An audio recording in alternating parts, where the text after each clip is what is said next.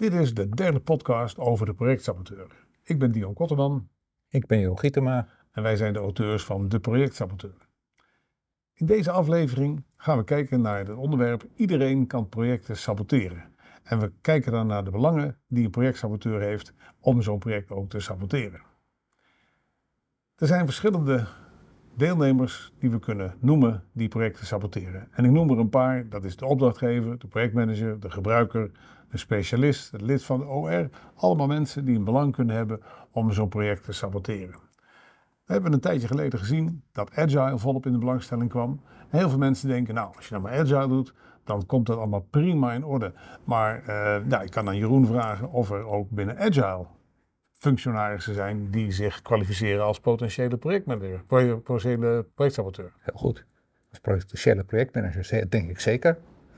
Maar als uh, potentiële projectsaboteur zijn het waarschijnlijk nog veel meer. En dan kun je denken aan, uh, ja kijk, diverse modellen zijn er natuurlijk inderdaad op het gebied van Agile uh, toegevoegd. Maar in de hele basis kom je de Scrum Coach kom je natuurlijk tegen, de Product Owner die kom je tegen.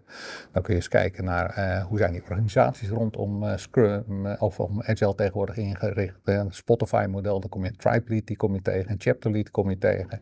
Het zijn allemaal rollen die niet helemaal hetzelfde inhouden als de klassieke projectmanagerrollen of de projectrollen.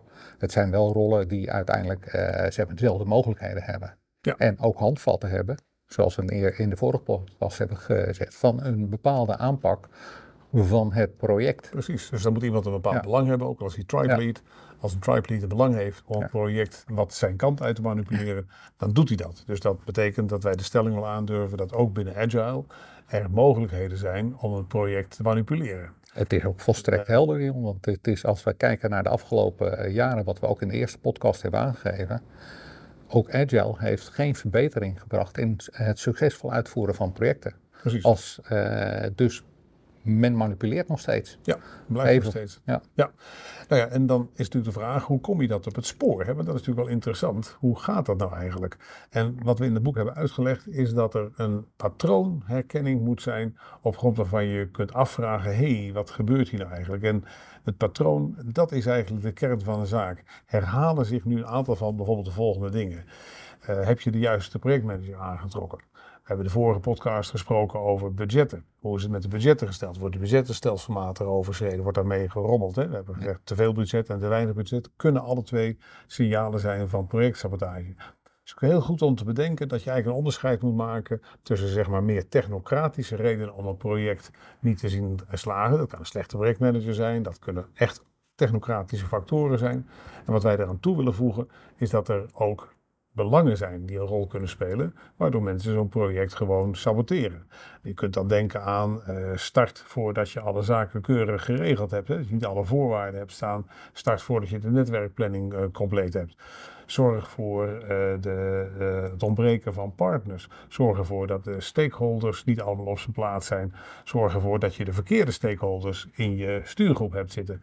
En dat zijn misschien dingen waar de luisteraar van denkt: ja, dat had ik laatst inderdaad al. Ik merkte dat die stuurgroep niet vooruit kwam, omdat ik daar misschien niet de goede belanghebbenden in heb zitten, maar misschien mensen die dat project geen warm hart toedragen, die misschien denken, nou, als ik het project nou een klein beetje kan bijsturen, dan ben ik nog net in staat om mijn pensioen te halen voordat ik een geweldige wijziging eh, door moet maken. En nou, zo'n pensioenkwestie kan dus iets zijn om ja, zo'n project even uit te stellen en comfortabel te wachten tot het voorbij is. Zeer kostbare grap. Ja, maar laten we er nou eens even kijken vanuit de diverse rollen die mhm. erin zitten. Hè. Kunnen kijken naar een opdrachtgever, kunnen kijken naar een projectmanager mensen waarvan je eigenlijk op voorhand zou zeggen, en dat is natuurlijk ook de feedback die ja. wij krijgen van waarom zouden we die in hemelsnaam gaan saboteren? Die hebben er toch belang bij dat het project slaagt. En dat is dus niet altijd zo. Precies. Ja. Kun je een voorbeeld noemen van een, een, een, projectmanager die een project start, maar denkt, ja, als dit project gaat draaien, dan uh, ben ik daar niet bij gebaat. Wat, wat zou la, laten, we wat, laten we eens wat algemeens pakken. Hè. Projectmanager die wordt vaak aangewezen vanuit een staande organisatie. Je hebt een grote uh, verandering gaande in zo'n organisatie, wordt afdelingen samengevoegd. Het zou zomaar eens kunnen zijn dat de projectmanager die het project leidt, niet de zekerheid heeft dat hij bij die organisatie blijft. Mm -hmm. Nou ja, zoals jij uh, volgens mij heel vaak al in onze trainingen ook aangeeft, een kalkoen maakt zichzelf niet op voor uh, de kerst om in de oven te gaan zitten. Dat doet die projectmanager waarschijnlijk ook niet. Dus op het moment dat hij geen alternatief heeft voor zijn uh, eigen toekomst, dan gaat Maslow spelen en gaat hij zijn eigen belang gaat hij dienen. En is dus gemotiveerd om het project een kant uit te brengen, het vertraging bijvoorbeeld waardoor zijn positie niet in het gedrang komt. Ja, en gaat die projectmanager dan uh, zeggen van uh, objectief van nou ik ga tegenwerken? Natuurlijk gaat hij dat niet doen. Hij gaat zogenaamd meewerken, maar maakt het project complexer. Precies. Haalt een aantal architecten erbij die uh, zeg maar verschillende inzichten hebben, vertraagt zeg maar op basis door zijn professie. Ja, dat en dat betekent dat het project gewoon uh, wordt vertraagd. En dat is uh, nou ja, buitengewoon kostbare zaak. Het geeft dus ook mooi twee interessante punten aan, denk ik. Het eerste punt is dat we zien dat als je dit goed herkent, dat je ook iets kunt doen. Dat is een beetje een vooruitblik op een van de volgende uh, podcasts, waarin we gaan kijken naar, als je dat dan kunt herkennen, wat doe je daar dan precies mee? En het tweede punt wat je aangeeft is dat we de gedachte moeten lanceren dat mensen bijna altijd een belang hebben om zo'n project te steunen of om een project uh, niet te steunen. Ja. Um, nou, we hebben toen uitgebreid uh, de moderne tijd in het boek meegenomen en uitgebreid gekeken naar wat er met uh, Agile gebeurt. Ja. En daar zie je natuurlijk, wat we net al zeiden, dat daar ook spelers zijn die een belang kunnen hebben. Dat is dus onafhankelijk van de methode die je volgt. Het is afhankelijk van de mens die je in het project hebt zitten. Um, nou ja, we, kennen natuurlijk uh, het, uh, het principe uh, wat, wat, wat Agile eh, hanteert.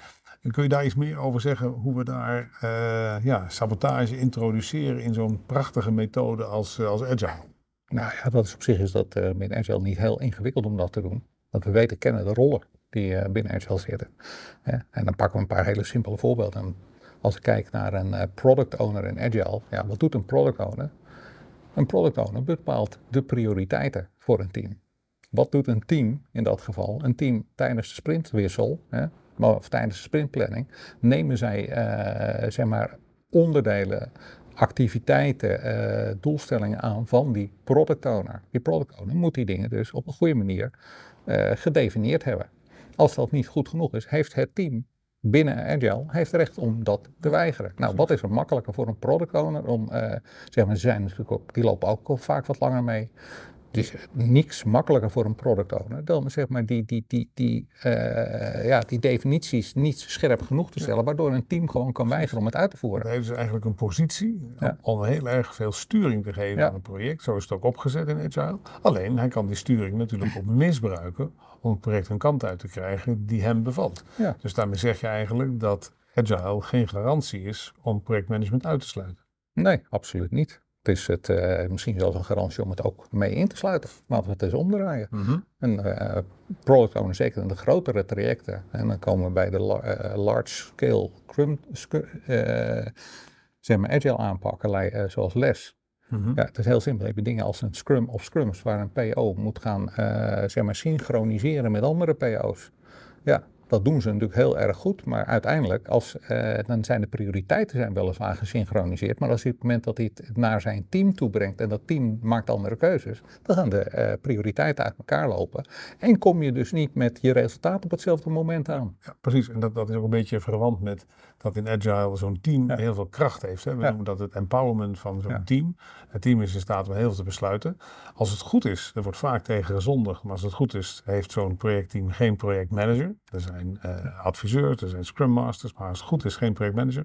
En dat geeft natuurlijk ook heel veel ruimte om de waarheid een klein beetje naar je hand te zetten. Dus ook een, een, een, een team uh, en, het, en het, het, het, het, empowerment, de kracht die een team heeft, is geen garantie dat er niet gesaboteerd wordt. Ja, klopt. Wat je heel veel in de teams ook ziet. Het is natuurlijk, en dat heeft te maken met het uh, beleid van mensen die in teams komen. Ja, de ene is, uh, laat ik zeggen, je hebt de experts in een team zitten die gewoon langere tijd meelopen. Je hebt ook de junioren in het team zitten. Nou, de junioren van nature, ook al is de formele verhouding niet zo, die luisteren naar die experts. Dus die experts hebben heel veel mogelijkheden om dingen te veranderen. Ja, precies. En als daar maar het voldoende belang achter zit, en dan zijn we weer een beetje is de cirkel een beetje rond aan het worden, dan is het belang de drijvende factor ja. dat die bepaalt of iemand een project steunt of een project juist niet steunt. Nou, en onze gedachte, kijkend naar de projectsaboteur, zoals die titel ook gekomen, is dat er dus heel veel mensen zijn die ja. in staat zijn om zo'n project te manipuleren en de goede kant voor hun uit te sturen. Ja, dus wat we in deze podcast nu hebben laten zien, is dat zeg maar mensen, uh, zeg maar iedereen een belang kan hebben om dat project inderdaad te saboteren, naar de kelder te hebben, dat meestal de context voor dat belang gecreëerd wordt door de organisatie. Dus als je een verkeerde context geeft, verkeerde doelstellingen meegeeft voor zo'n traject, dan wordt er ook gesaboteerd. Gaan we later in het volgende podcast gaan we daar wat verder op in. Uh, oftewel, het is niet vanzelfsprekend dat iedereen die zeg maar schijnbaar een belang zou moeten hebben bij het welslagen van een project, ook dat belang heeft. Daar moet de actie op worden ondergenomen.